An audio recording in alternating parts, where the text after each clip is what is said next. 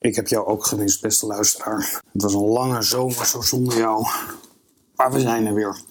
En we beloven je dat we ook dit seizoen weer elke twee weken ons zullen verwonderen over de media. En elke twee weken hopen we je nieuwe woordjes in je oor te mogen fluisteren. Terwijl je op de fiets zit of in de trein of misschien wel op bed ligt. Want een podcast luisteren kan je overal doen. Altijd en overal dicht bij elkaar. Vanuit Amsterdam is dit Onder Media Doctoren, de podcast waarin communicatiewetenschappers zich verwonderen over de media. We vroegen ons af waarom doet nou niet de hele dag iedereen dat? Waarom zijn we een van de best beluisterde podcasts in Nederland, maar kunnen wij de Johan Cruijff Arena niet vullen, maar op een goede dag misschien nog net Tuschinski 1? Dr. Linda Duits, hier naast mij. Vind je dat ook niet raar? Ik denk dat het minder erg is dan dat jij het doet voorkomen. Er luisteren best wel mensen naar podcast. En mensen die naar podcast luisteren zijn ook heel bijzondere mensen. Dat zijn exceptionele luisteraars. Nou, die zijn wat, wat meer waard dan een gewone luisteraar. Het zijn leuke mensen, mensen die podcast luisteren. Het zijn hele leuke mensen. Mensen die nog leuker zijn, zijn mensen die onderzoek doen naar podcast. En dat is uh, Volkert Koelhoorn, uh, de Nederlandse expert op het gebied van podcast. En uh, vers afgestudeerd bij de masteropleiding Film- en Televisiewetenschappen. Volkert, je hebt een scriptie geschreven over podcast. Waar ging die over? Um, ik heb onderzocht um, of bestudeerd op welke manier uh, podcastmakers gebruik maken of uh, publieksparticipatiemogelijkheden benutten. Tijdens mijn studie veel uh, literatuur gelezen over participatie. En daarin kwam toch steeds de te televisie als casus werd gebruikt. En ik wou kijken of podcast ook binnen die participatiecultuur van onder andere Jenkins zou passen. Participatie, dat is vroeger inbellen, sms'jes, briefkaarten, briefkaarten ja, schrijven. Het kan van alles zijn natuurlijk. Uh, en elk medium heeft weer zijn eigen mogelijkheden. Um, ja, en ik heb dat gewoon onderzocht voor een podcast. Daar gaan we straks uitgebreid over verder praten. Voordat we verder praten, moeten we natuurlijk eerst weten, we moeten een definitie hebben. Ja, als onderzoekers moeten we een definitie hebben. Dus um, de vraag, wat is een podcast? En um, Narien maakte daar een item over. Nee, ik zocht er de plaatjes erbij. Altijd al gedroomd van je eigen radioprogramma? Of ben je een up-and-coming muzikant? Is je grootste wens dat mensen wereldwijd genieten van jouw creaties? Jouw droom kan zomaar werkelijkheid worden. Want net zoals bij bloggen kan iedereen nu radio-dj of presentator zijn. Begin je eigen podcast. Maar wat is een podcast? Een podcast is een audio- of video-uitzending die verspreid wordt over het internet door middel van webfeeds. Webfeeds bevatten een verwijzing naar het mediabestand. Het format van een podcast is meestal vergelijkbaar met dat van een radio- of televisieprogramma.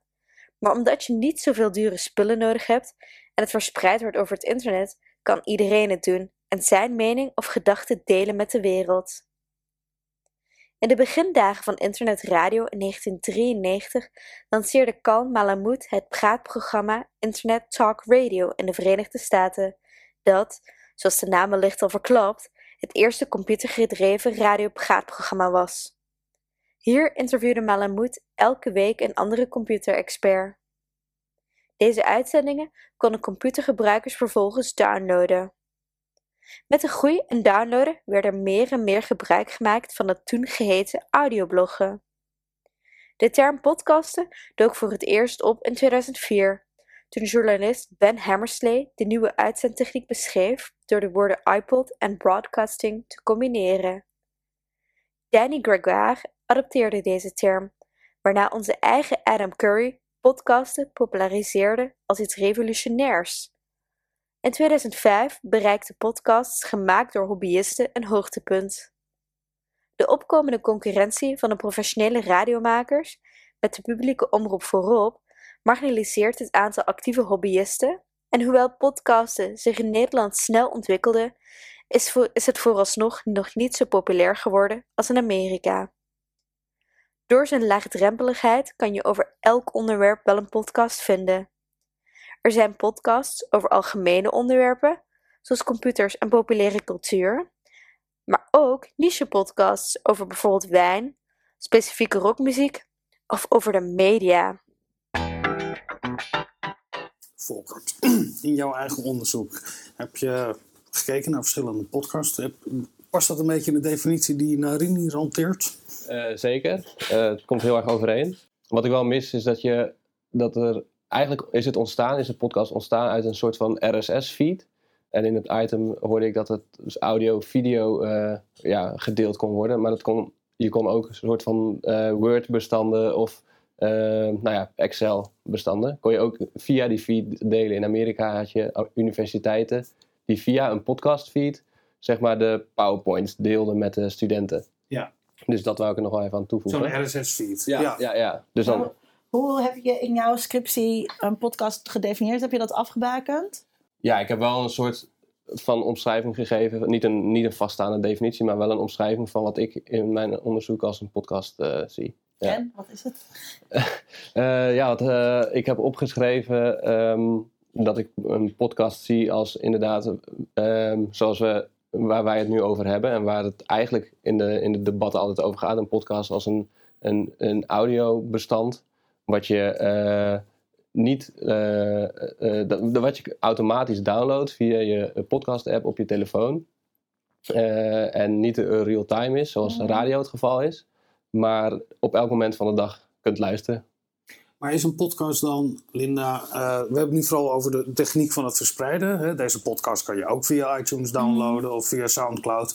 Maar als ik kijk in de podcastlijsten, weet je wat veel gehoord wordt, zitten er ook gewoon programma's in die wel live zijn uitgezonden op de radio. Zit daar dan een verschil in? Ja, wij, wij nemen natuurlijk ook live op en we zijn live te zien eh, op zender. Ehm, maar de meeste van onze eh, luisteraars, die, die luisteren terug op het moment dat het hen uitkomt. Dus je kan podcast definiëren als bepaalde distributievorm. Wat altijd gedaan wordt en wat ook, wel, wat ook interessant is. Maar die distributievorm brengt met zich mee dat eh, die podcast op elk moment geluisterd kan worden. En dat is toch wel heel cruciaal, want dat ehm, maakt ook dat die luisterpraktijk gewoon heel erg anders is. En als je het dan onderscheidt van radio bijvoorbeeld, radio kan je ook als een soort behang hebben. Dat staat de hele dag aan. Dat zet je soms wat harder als er een leuk liedje op is of zo. Maar je bent natuurlijk niet heel erg. De radio is. ehm, eh, je hebt zeg maar een onderscheid tussen lean forward media en lean backward media. Dus radio gaat een beetje langs je heen. Terwijl als je aan het surfen bent op het internet, dan doe je dat heel intensief. En podcast is eigenlijk nog weer een andere vorm daarvan.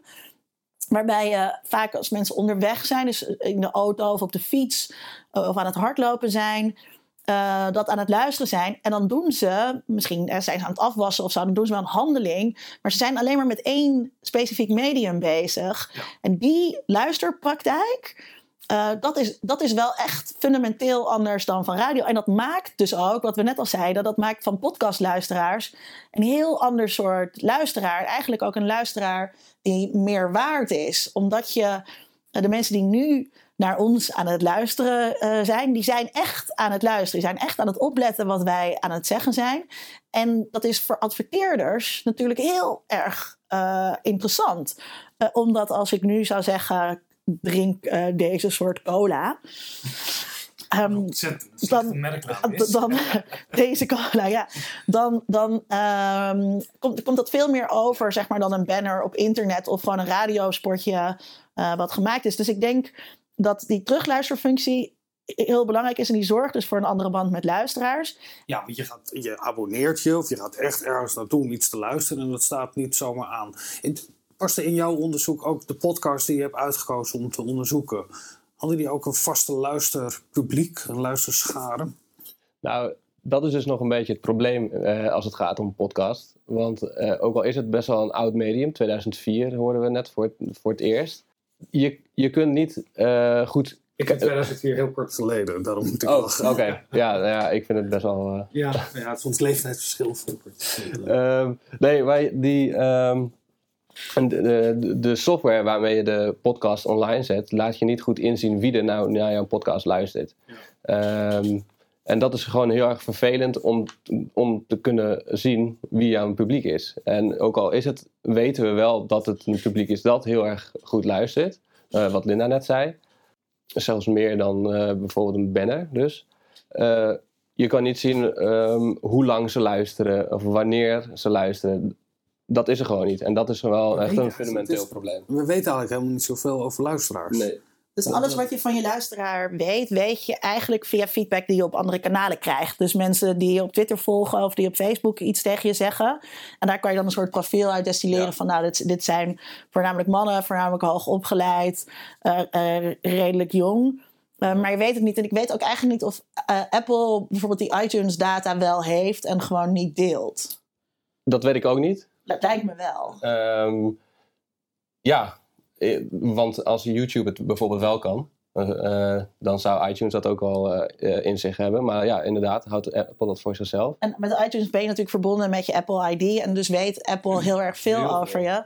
En dat is, dat is wel interessant, zeg maar. Dat zo'n ehm, nieuw medium, wat voor heel veel mensen aan het begin een hele grote democratiserende waarde had. Hè, werd ook duidelijk gezegd, iedereen kan een podcast eh, beginnen. Maar je bent heel erg afhankelijk van distributieplatformen zoals iTunes. En daar kan je dan wel gratis jouw eh, ehm, programma verspreiden. Alleen, je weet, je, Apple verdient daar geld mee in de zin dat Apple, al- Apple allerlei data over jouw eh, programma verzamelt en over jouw luisteraars en dat niet met jou deelt. En ik weet niet wat ze er wel mee doen, maar dat is altijd het probleem bij dit soort grote bedrijven. Het is heel erg ontransparant waar die data naartoe gaan. Maar niet naar makers in ieder Voordat we gelijk aan het begin de schuld leggen bij het grootkapitaal. Is er niet ook een andere reden? eh, tenminste, als ik in de top 20 lijstje kijk van de meest beluisterde podcasts in Nederland. Dan zie je dat daar heel veel eh, radioprogramma's in zitten van de Nederlandse publieke omroep. Met name programma's waarin je met aandacht naar luistert. Met het oog op morgen, wat een heel traditioneel programma is. Argos over onderzoeksjournalistiek, dat doet het daar goed. Eh, je ziet wat muziek podcast. Er zijn eigenlijk niet zo heel veel van die amateurpodcasts die wij zijn. Terwijl de belofte toch in 2005 was... iedereen kan nu zijn eigen programma maken. Is het niet zo dat... Vroeger zeiden we ook dat bloggers, daar komen de nieuwe schrijvers vandaan... en, en YouTube zouden nieuwe filmmakers zijn. Zijn podcastmakers niet gewoon mislukte radiomakers, Volkert? Nee, absoluut niet.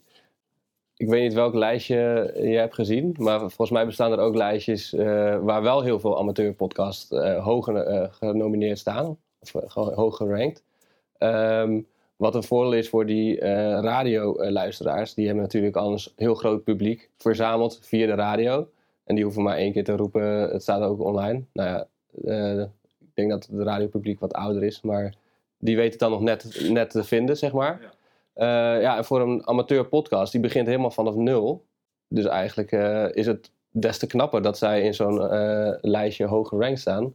Omdat ze via, alleen via de podcast publiek hebben verzameld. Echt podcastpubliek. En Ja. niet, en niet eh, ehm, radiopubliek wat toevallig naar een podcast luistert. Het is ook voor, je ziet dan ook bijvoorbeeld zo'n podcast van NRC, Haagse Zaken, die dan in één keer heel goed wordt. Ja, dat, dat is heel logisch, want zij hebben een gratis reclameplatform, wat wij eh, niet hebben. En op het moment dat wij een keertje in de krant genoemd worden, ja, dan schiet, ja. schiet ons aantal downloads ook omhoog. Terwijl dat toch een soort bijzinnetje is. Terwijl NRC die eigen, zijn eigen podcast natuurlijk heel erg eh, pusht. Maar ik, ik denk juist dat hè, voor, voor, voor de, het zijn niet zozeer bestaande broadcasters, bestaande media die podcastmakers wegduwen. Ze lokken eerder podcast maken uit.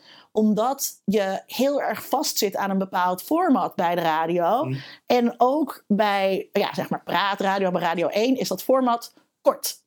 En wat zo interessant is, wat mij ook de hele tijd verbaast, is dat voor podcasts het is helemaal niet uitmaakt hoe lang het duurt.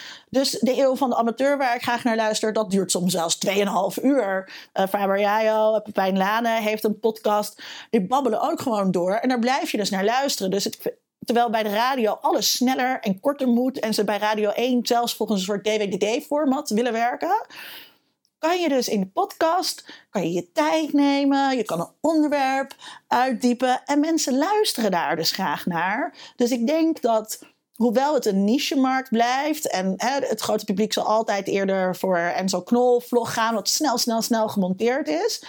Uh, uh, laat het juist zien een soort opstaan tegen uh, de logica die op dit moment radio drijft. Waarmee je dus eigenlijk volgens mij heel veel luisteraars... Maar zeiden we, zeiden we dat ook niet eind jaren negentig over de literatuur? Hè, want de uitgeverijen die zaten toen ook helemaal vast. En er moesten alleen maar bestsellers uh, mochten er uitgegeven worden. Maar nu kon iedereen zijn eigen uitgeverij beginnen of, of, of zijn eigen literatuur verspreiden. Ik denk dat het alleen nog maar erger is geworden. Dat het nog steeds alleen maar de bestsellers zijn uh, die verkocht worden. En dat ondanks de toegankelijkheid daarvan dat niets is veranderd over welke titels er uiteindelijk gelezen worden. Nou, ik denk dus dat het, hier anders mee zijn. Omdat ik denk dat het wel meevalt met hoe weinig mensen er luisteren. Kijk, in Amerika wordt altijd aangehaald als voorbeeld. Maar het is niet zo dat in Amerika een groter percentage van de bevolking naar podcasts luistert. Nee, Amerika is een Engelstaalgebied. En dat betekent dat wij ook allemaal aan het luisteren zijn naar die Amerikaanse podcast. Ja. Dus wij luisteren ook naar This American Life. Uh, en uh, daar komen die hoge aantallen vandaan. Maar wij doen het verdraaid slecht in de Verenigde Staten, procentueel. Wij van, wij van mediadoktoren doen dat misschien niet zo goed. Maar als wij over op, zouden gaan op Engels, dan krijg je natuurlijk dan krijg je ook een ander verhaal. En uh, de, man microfoon, de man met de microfoon die straks ook terugkomt, ja, die zit boven de 25 luister, 25.000 luisteraars. Dat is toch best wel aanzienlijk. Dat is echt een interessante groep. Ja, al is 25.000 luisteraars natuurlijk op een, uh, een, een timeslot op de radio niet zo heel erg veel. Nou ja, Al valt het met BNR nog wel mee, die zit niet heel veel hoger dan dat. Nou, maar dat is, dat is dus wel belangrijk om, om mee te nemen. Veel radioprogramma's, daar luisteren zo weinig mensen naar dat het eigenlijk niet goed uh, te meten is. Hè, die, kijks, die luistercijfers van de radio, ja, dat is ook de vraag hoe serieus je uh, uh, dat, dat moet nemen. En nogmaals, uh, dat wordt geluisterd als behang. Dus dat, ja. zijn, dat zijn andere luisteraars. En kijk, als het gaat over internet en aandacht, dan moet je al lang niet meer denken in termen van bereik, maar je moet denken in termen van impact. Ja, er is een groot verschil of je iets uh, op de bouwplaats aan hebt staan uh, door je drillboor ja. heen, of dat je daadwerkelijk zoals dit mensen downloadt. Nou, een podcast luister je vaak op je mobiele telefoon ja. met, een, uh, met oordopjes of een headphone op je hoofd. Waardoor de, ja, de presentator of de, de podcast gewoon rechtstreeks je oor binnenkomt. En die podcast zet je ook nog eens bewust aan in plaats van een knopje van de radio. Die je alleen maar hoeft om te schakelen om de radio te luisteren. De podcast gaat, gaat over je eigen interesse. Uh, die heb je allereerst bewust zelf opgezocht. Dus je, je hebt er al affiniteit mee. Dus dan wil je het ook gaan luisteren omdat je het leuk vindt. Ja, dus um, uh, Lieve Heremans, podcast-enthousiast, die zegt daar ook over. Die podcastluisteraar die, is al snel, uh, die wordt al snel fan. En hij heeft onderzoek gedaan naar het ontstaan van netwerken, podcastnetwerken uh, in Amerika. Uh, zoals uh, Radiotopia. Um, en uh, wat daaraan interessant is, is dat podcastmakers elkaar dus opzoeken, samen met elkaar in, in hun massa, zeg maar, meer invloed krijgen, ook kunnen professionaliseren op een bepaalde manier. En dan kan je in één keer wel echt een tegenwicht gaan bieden aan, aan die oude vorm, zeg maar, uh, van radio. En dan heb je in één keer al die voordelen van de podcast. Meer flexibiliteit in je lengte. Uh, terugluisterfunctie, die had andere band um, met luisteraars. En, en dan, hè, dan heb je niet één podcast met 25.000 luister, 25 luisteraars. Maar dan heb je 10 podcasts met 25.000 luisteraars. En dan ben je in één keer heel interessant voor adverteerders. Ja, we zien natuurlijk ook wij, misschien zijn er wel mensen die dit luisteren via de BNR-app, waar wij ook via het uh, luisteren zijn. Volkert, zie je in jouw onderzoek, je, gaat het over die publieksparticipatie. Uh, op YouTube ken ik dat met reacties en wat dan ook. Is dat vergelijkbaar? Uh, ja, een soort van. je hebt natuurlijk, um, YouTube is ook gewoon een distributieplatform. Zo heb je dat is dan voor video. Maar voor audio heb je bijvoorbeeld SoundCloud of iTunes. En op die platforms kun je ook gewoon een reactie achterlaten. En wat je ook veel ziet, is dat podcasts gewoon ook actief zijn op sociale media. Um, maar ook gewoon nog ouderwets via de e-mail. Um, dus ja, er zijn echt verschillende mogelijkheden om, om, een, om iets van je te laten horen als luisteraar. Maar doet dat er nou toe voor die makers? Nou, daar is een beetje een, een, een probleem. Um, de, ik, heb, ik heb in mijn onderzoek gericht op amateurmakers. Um, en ja, zij maken voornamelijk een podcast omdat ze het, het leuk vinden om te doen. Net als uh, wij. Net als uh, wat jullie doen. En, ik En dan deed. is een reactie heel erg leuk. En dan is een reactie heel erg leuk. Ja. Uh, Maar ook, je doet het, je- het is leuk dat er luisteraars zijn. Nou ja, ja ze, het, is, het is leuk dat er luisteraars zijn. En het is leuk als je een, rea- een reactie krijgt. Maar ze focussen zich niet op die participatie, op die publieksparticipatie. Daar, dat is gewoon een leuke bijkomstigheid. Eh, en dat werd wel duidelijk eh, eh, in het onderzoek. Dus er is nog wel een hele hoop te winnen op dat gebied. Maar is, Nou, dat, maar is, dat, is dat zo? Want ik denk ook juist, zeg maar, wat, ehm, wat, het, wat voor ons leuk is om deze podcast te maken, is dat wij zelf onze onderwerpen kiezen en dat we niet gebonden zijn aan actualiteit. Dat, was, dat is voor ons echt een grote voorwaarde, omdat radio en zo dat allemaal, dat allemaal wel zijn. En op het moment dat onze luisteraars dan zouden zeggen oké, weet je, eh, er, er, er is nu veel in het nieuws over ehm, eh, eh, seksueel geweld. Kunnen jullie een podcast over seksueel geweld maken? Dan denk ik dat wij ook zouden zeggen, nou, eigenlijk niet zo interessant, want daar gaat al het andere nu al over. Dus het is ook een soort van vrijheid die je hebt. Nee, weet je, verdikkie. Het is mijn eigen podcast. Ik mag zelf doen wat ik wil. En dat is toch ook bij de mensen. Maar de mensen die jij onderzocht hadden dat toch ook zo'n beetje van. We willen ook niet dat de luisteraar. Nou ja, ik, eh, ze willen heel graag onafhankelijk blijven. Dat is, was ook een groot topic. Eh, een deel van mijn, ik, eh, van mijn vraag die ik stelde was of ze ook sponsoren hadden om, het, om de podcast wat te kunnen professionaliseren. En dan was wel stevast het antwoord inderdaad van nee, want dan krijgen we te veel bemoeienissen. We willen gewoon doen wat we, wat we zelf leuk vinden. Ik vergelijk het ook wel met dat je in een bandje speelt zoals vroeger. Weet je wel, de repetities zijn heel leuk. Maar ja, als je een verzoeknummers gaat krijgen, dan is de lol er al snel vanaf. Eh, maar ja, het gaat ook gewoon om het maken van de muziek. Eh, Linda, je bent samen met Sebastian op pad geweest naar Chris Baayema. Waarom ging je met hem praten? We gingen met hem praten omdat hij nou, misschien wel de succesvolste podcastmaker van Nederland is. Eh, en eh, daar kan hij zelf over vertellen hoe hij dat ook voor elkaar heeft gekregen.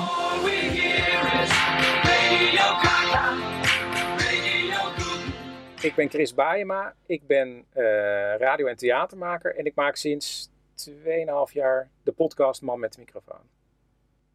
Ik maakte eh, documentaires en hoorspelen. En ik had een idee voor een programma. Maar er was gewoon geen ruimte voor op de radio.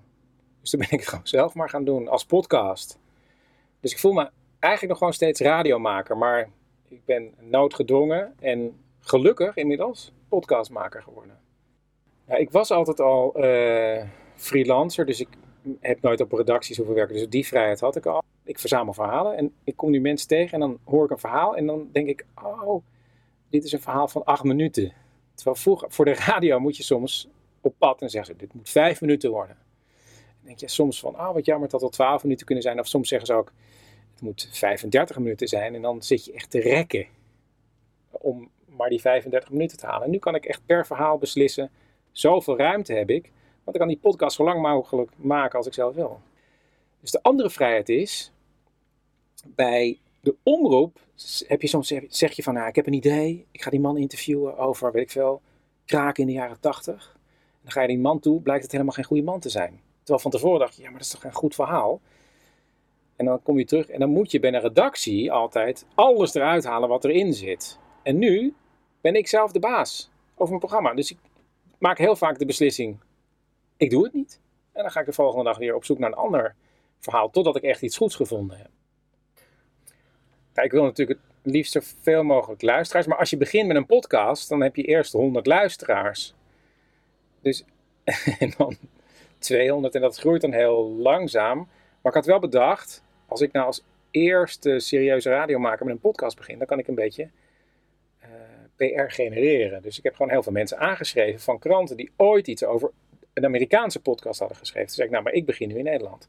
Dus ik kwam vrij snel in kranten, en dat werkt zo in Nederland, in de media. Eerst staat iets in een krant, dan lezen mensen bij de radio de krant. En dan ben je interessant om ook een radio-onderwerp te zijn. Dus ik kwam ook bij de radio. En toen heb ik, zullen we zeggen, vrij snel had ik 10.000 luisteraars, geloof ik, binnen een half jaar. En um, inmiddels heb ik er vijf, tot die 25.000 wel bereikt. Ik heb een soort uh, programmaatje waarmee ik een website bouw. En uh, het stomme is, ik heb niet vanaf het begin, maar na een aantal maanden heb ik daar een, uh, een programmaatje bij gekocht. Een ander, ja, dat heet Blueberry in mijn geval. En ja, dat plant je dan ergens in. En die tellen voor jou gewoon het aantal downloads. Dus ik zie, um, maar ik zie alleen maar hoeveel mensen downloaden en in welke landen.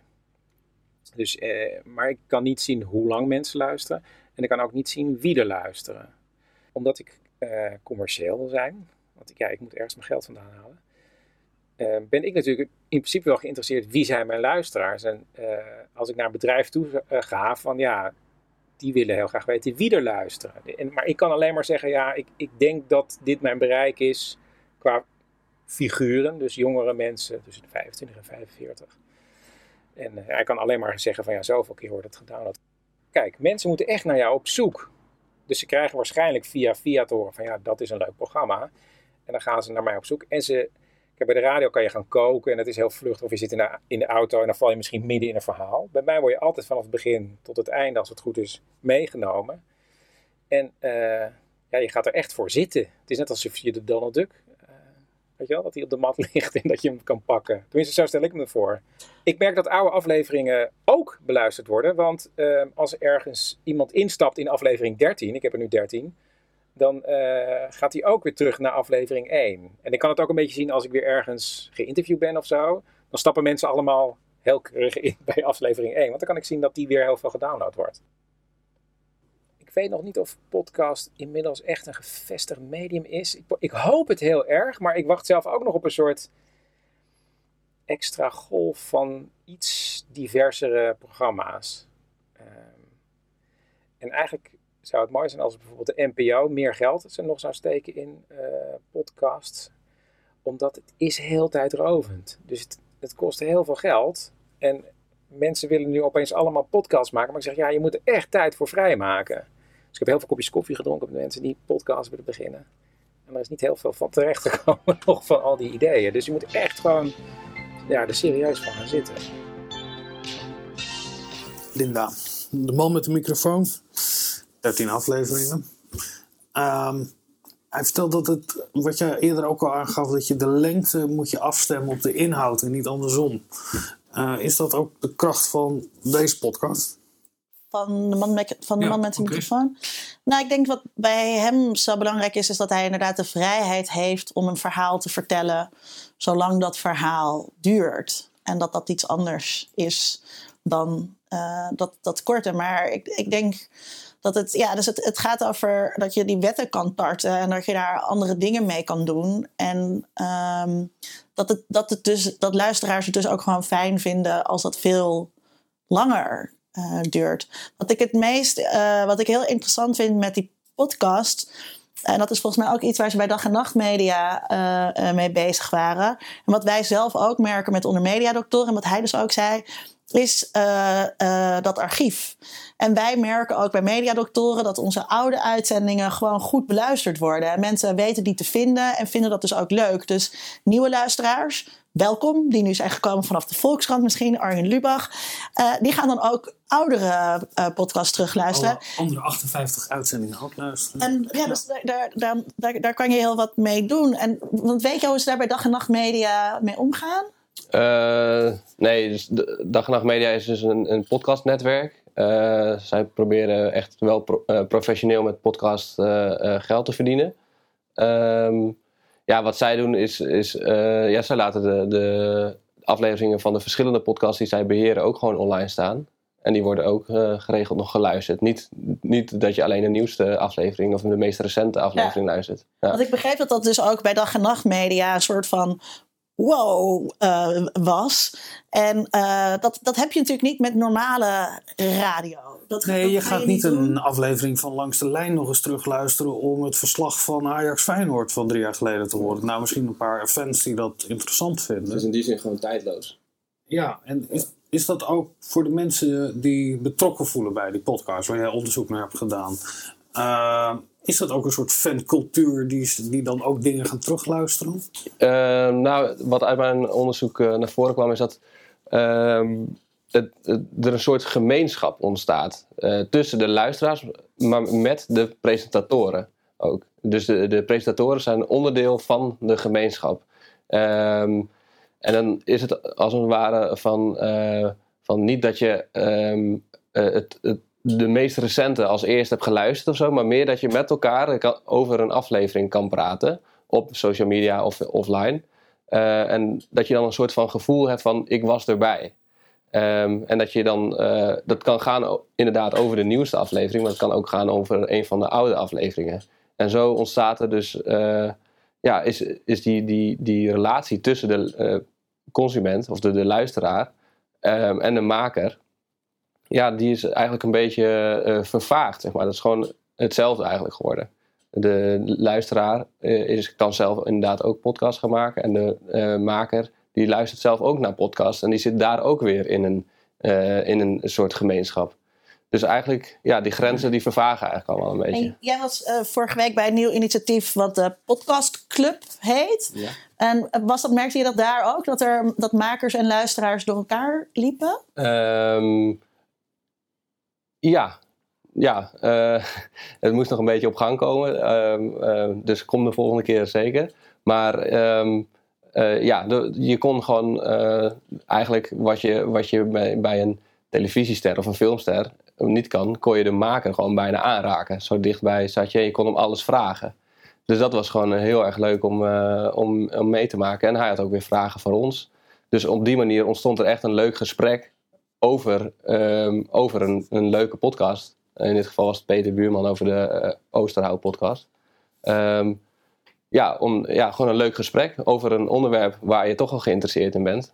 Dus eigenlijk, Ik herken het wel, dat enthousiaste podcastluisteraars eh, vaak zelf ook nadenken om een eigen podcast te maken. Zoals volgens mij mensen die vloggers volgen zelf ook nog wel eens hebben nagedacht. Kan ik dat ook niet? Omdat het in vorm en toegankelijkheid zo... Ik weet niet of dat voor vloggers geldt, maar dat gold in ieder geval wel voor bloggers. Dus echt in de hoogtijdagen van het bloggen had je, zag je een beetje een soort vanzelfde processen optre- op- optreden.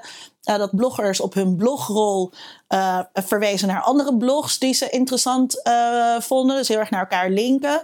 Eh, nou, dat hebben wij ook een tijdje gedaan. Er is ook een podcastnetwerk actief, wat ook op die manier zeg maar, anderen in de markt wil zetten. Dat zie je trouwens ook bij die Amerikaanse eh, netwerken die, die daarmee bezig zijn. Ehm, dus het is heel erg een soort van. Ja, het is gezellig en makers vinden het leuk om elkaar te ontmoeten en ook luisteraars te ontmoeten. Eh, en dat kan dan ook wel weer animo geven om inderdaad zelf iets te gaan beginnen op de, pod, de op podcastnetwerkdag. Toen heb ik ook tegen iedereen gezegd, ja, begin gewoon, weet je. Ga gewoon aan de, aan de slag. En dat is, dat is met bloggen ook zo. En het is denk ik interessant om te zien waar dat naartoe eh, zal gaan. Want blogs zijn eigenlijk wel een beetje dood. Dat, dat momentum van blogs is wel geweest. Je ziet nu ook dat sites zich magazines gaan noemen. En dat toch wel een groot aantal bloggers opgenomen zijn door mainstream ehm, media. Uh, dus het is ook wel de vraag hoe dat bij podcast verder zal gaan. Zullen we inderdaad verder, verdergaande netwerkvorming uh, zien, zoals bij Radiotopia, onder een bepaalde noemer, of inderdaad bij BNR, waar wij in het podcastnetwerk uh, van BNR zitten. Professionaliseert dat dan verder en uiteindelijk is dan ook, ja, dan zal de, de kloof tussen luisteraar en maker, die zal dan denk ik weer groter worden. Het is niet omdat wij in het BNR-netwerk zitten, omdat ik dit ga vragen. Maar nu we het toch over Business News Radio hebben. Wordt eigenlijk geld verdiend met podcast? Ja, uh, heel... Bij Dag en Media, jij weet daar meer van. Um, heel weinig vooralsnog. Um, ik weet dat Chris Baema uh, ervan leeft, van, van zijn uh, producties. Wat zijn zijn inkomsten dan? Ja, dat, dat, weet, ik, dat weet ik niet. Ik denk een beetje impertinente vraag. Ja. Omdat, maar nee, uh, de, man met, de man met de microfoon wordt gesponsord door een belangrijke uh, plek waar je koffie kan drinken. Op meerdere plekken in Amsterdam. En uh, het is gewoon de koffiecompany. Ja, dat is het is de koffiecompany. En, um, en hij heeft daar best wel een goede deal mee met die koffiecompany. Dus hij heeft wel echt een grote sponsor aan zich weten te binden wij zelf worden ook gesponsord. En uh, dat, dat is meer een verhaal van dat ja, de kosten. Ik zeg, mijn, ik zeg mijn, mijn baan er nog niet voor op. Ja, dat de kosten een beetje, een beetje gedekt worden. Kijk, wat, wat interessant is om te zien hoe zich dat gaat ontwikkelen. Uh, bij, in iTunes zijn podcasts eigenlijk de enige waar je geen geld voor kan vragen. Dus als je muziek via iTunes aanbiedt, dan kan je daar wel geld voor krijgen. Bij podcasts is dat niet ik weet, niet, ik weet niet of ik dat een ideale vorm uh, zou vinden. Om onze luisteraars allemaal 9 cent per aflevering uh, te vragen. Maar dat is natuurlijk wel iets waar je zeg maar, Nou, in de toekomst aan kan gaan denken. Nou, het is niet eens toekomst. Je hebt nu ook uh, podcasts of um, Instagrammers of mensen die YouTube-content produceren. dat ze een Patreon-account aanmaken. En dat ze dan, dan, dan is er dus al een soort van gemeenschapsvorming, eh, is er al een soort van gemeenschap ontstaan. En dan kun je inderdaad je gemeenschap, je luisteraars vragen om een, om een gift. Ja. Eh, maar er zijn verschillende podcasts die daar echt eh, heel veel geld wel mee ophalen.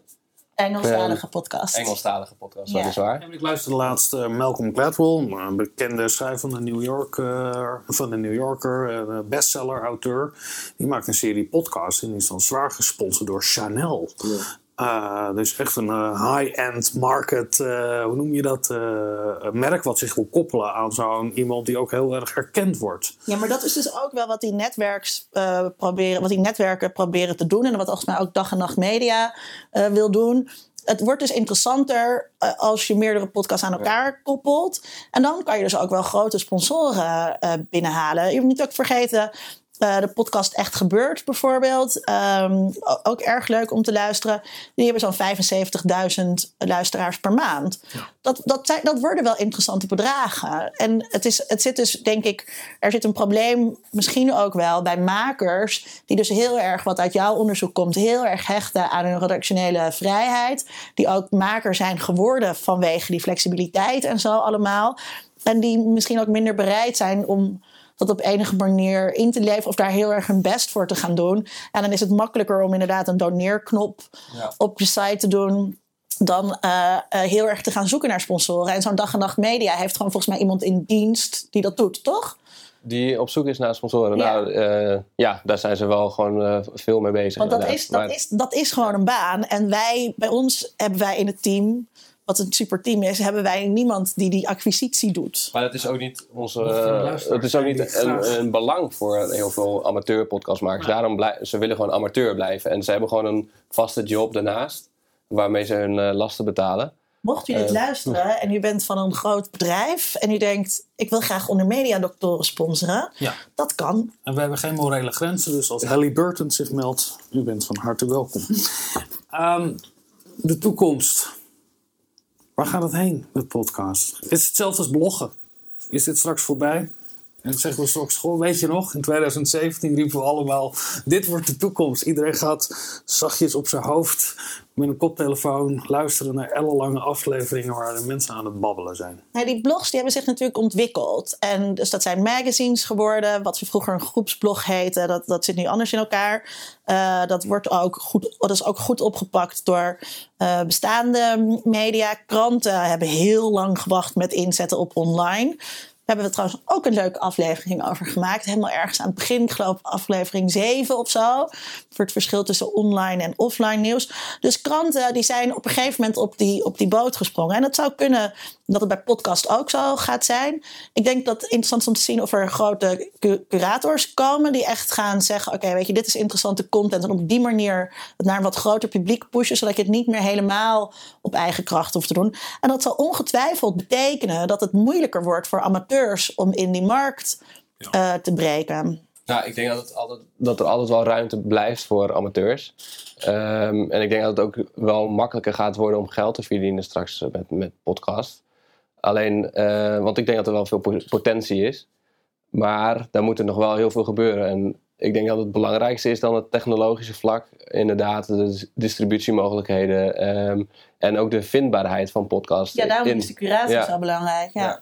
Maar je ziet wel een professionalisering ontstaan in de, hè, de grote de, de bestsellers of de tophits zoals Serial. eh, Dat, dat, dat zijn dure producties. Hè. Dat Ik is, zat eh, al te wachten totdat je Serial zou zeggen. moet een keer genoemd worden, want Nou dat ja, wordt... Wat dat bij is- Serial zo interessant is, en dat bleek ook uit het vooronderzoek van Volkert, als ik even voor jou mag praten, dat eh, in alle stukken die er in de krant staan over podcast, wordt altijd Serial genoemd. En dan komt altijd de vraag, wanneer krijgen we een Nederlandse Serial? En dat is eigenlijk het idee eh, dat er een soort van eh, killer app moet zijn en dat een medium dan pas succesvol wordt. Dus we hadden twee zomers geleden Pokémon Go en toen zeiden ze nu gaat augmented reality echt doorbreken.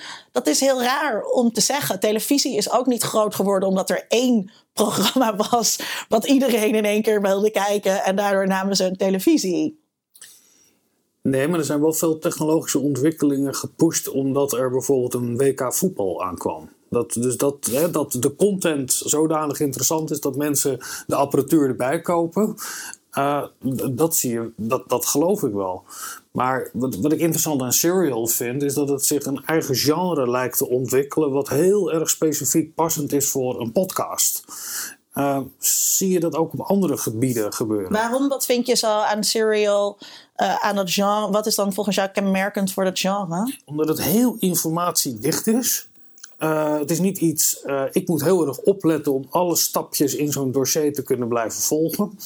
Uh, en je moet, er zijn heel veel verschillende karakters die je tegenkomt. Dus het is eigenlijk een heel erg, wat dan complex storytelling is, maar dan met audio, wat nog lastiger is dan op televisie. Je bedoelt een hoorspel? Nou ja, dat, het lijkt heel erg op wat een hoorspel is natuurlijk. Ja. Dat daarin zit niet echt verschil. Terwijl podcasts dus juist heel erg vrij zijn in hun vorm. En je hebt inderdaad talkshows, ook praatpodcasts of meer die radiodocumentaires. En die zijn ook allemaal, sommige zijn duurder te, om te maken dan andere. Uh, gewoon een microfoon neerzetten en praten met z'n tweeën. Dat, ja, dat, dat kost niks. Wat zie jij als toekomst, uh, Volkert? Hebben we over tien jaar nog steeds podcast? Uh, zeker. Uh, volgens mij is er uh, alleen nog maar de Telegraaf uitgestorven als medium. Dus uh, de podcast die zal zeker blijven bestaan. in welke vorm, dat vind ik... Een student voor ja, McLuhan erbij halen. Dat, ja. nee, dat, dat vind ik lastig, want ik kan echt niet in de toekomst kijken. Maar er komen voor, nu komen er steeds meer podcasts bij en dat is alleen maar goed. ook netwerken die groeien. Um, Denk je dat dus- jij, want jij bent nu afgestudeerd en je werkt wel voor dag en nacht media, maar je bent ook nog op zoek naar een andere baan. Dus als u dit luistert en u denkt, ik wil graag podcast maken met Volkert Koehoorn, dan kan dat. Maar denk je dat jij, denk je, dat jij je brood ermee kan gaan verdienen? Um, binnen nu en uh, tien jaar of zo? Ja, nou, um, is ehm, tien jaar. Oh ja, dat lukt wel. Zeker weten. Ja, ja, ja. ja, ja. ja. Lijkt me leuk trouwens. Dus wel. Ook in dit seizoen eindigen we altijd met het beantwoorden van een vraag. Want hebben wij een vast omlijnd format. Ja, wij, ja. ja. En moeten we, nou, ja, moeten we dat volhouden, dat format? Dat is de vraag. Toch gaan we de vraag beantwoorden. Ik vind het fijn om een vraag te beantwoorden. Nou, ja. De vraag is: waarom luisteren geen miljoenen Nederlanders naar podcasts, Glinda? Um, omdat podcasts voor leuke mensen uh, zijn en voor bijzondere luisteraars. En dat zijn miljoenen Nederlanders gewoon niet. En dan, kijk, dat is. Uh, is dit een beetje 19e eeuwse Russische literatuur? is ook peper. Maar dat is, het is niet voor iedereen weggelegd? Het, het is niet voor iedereen uh, weggelegd. Dus je moet net de interesse hebben in een onderwerp. en je moet het leuk vinden om momenten te hebben waar je naar die podcasts luistert. Want dat is ook zoiets. Hè? Mediagebruik is ritueel. Dus je moet dat een beetje inbedden in je, in je leven. En mensen die eraan beginnen, die vinden dat vervolgens, ga ik dat woord echt gebruiken, verslavend. Um, dus het, is, het zijn uh, bijzondere luisteraars. Het blijft, het zal altijd uh, een niche blijven. Uh, en dat is helemaal niet erg. Sterker nog, dat is eigenlijk wel prettig. Jij nee, net de bouwde bewering dat jij later uh, beroemd en rijk gaat worden in de wereld van podcasts. Uh, waarom luisteren nu nog geen miljoenen mensen naar podcasts? Omdat heel veel mensen gewoon een beetje dom zijn. Kijk, in de laatste minuut komen de grote uitspraken natuurlijk. Um, nee, uh, ik denk toch dat, er, dat het echt komt door de, de distributiemogelijkheden die er nu gewoon echt te beperkt zijn. Um, ik zit uh, in verschillende Facebookgroepen ook. En hoe vaak, hoeveel berichtjes ik daar wel niet voorbij zie komen over dat ze een podcast zoeken over een specifiek onderwerp, maar dat ze het niet kunnen vinden en of iemand nog tips heeft. Ja, dat soort vragen moeten echt passé zijn. Um, Dankjewel, Volkert. Wij, wij, hebben ook een tijdformat. Dit was aflevering 59 van de podcast Onder Mediadoktoren. En abonneert u en meld u. Wij horen graag van u. Wij hebben graag publieksparticipatie. Deze uitzending werd gemaakt door Tom, Narien, Sebastiaan en Pim. Dank jullie allemaal. Dank aan mijn mede-mediadokter Linda Duits. En uiteraard heel erg bedankt Volkert Koehoorn, onze gast van vandaag. En veel plezier bij je wiluitreiking. Dankjewel. Onder Mediadoktoren is een podcast van Vincent Kronen en Linda Duits. Meer informatie vindt u op ondermediadoktoren.nl. Dit programma wordt mede mogelijk gemaakt door Amsterdam University Press.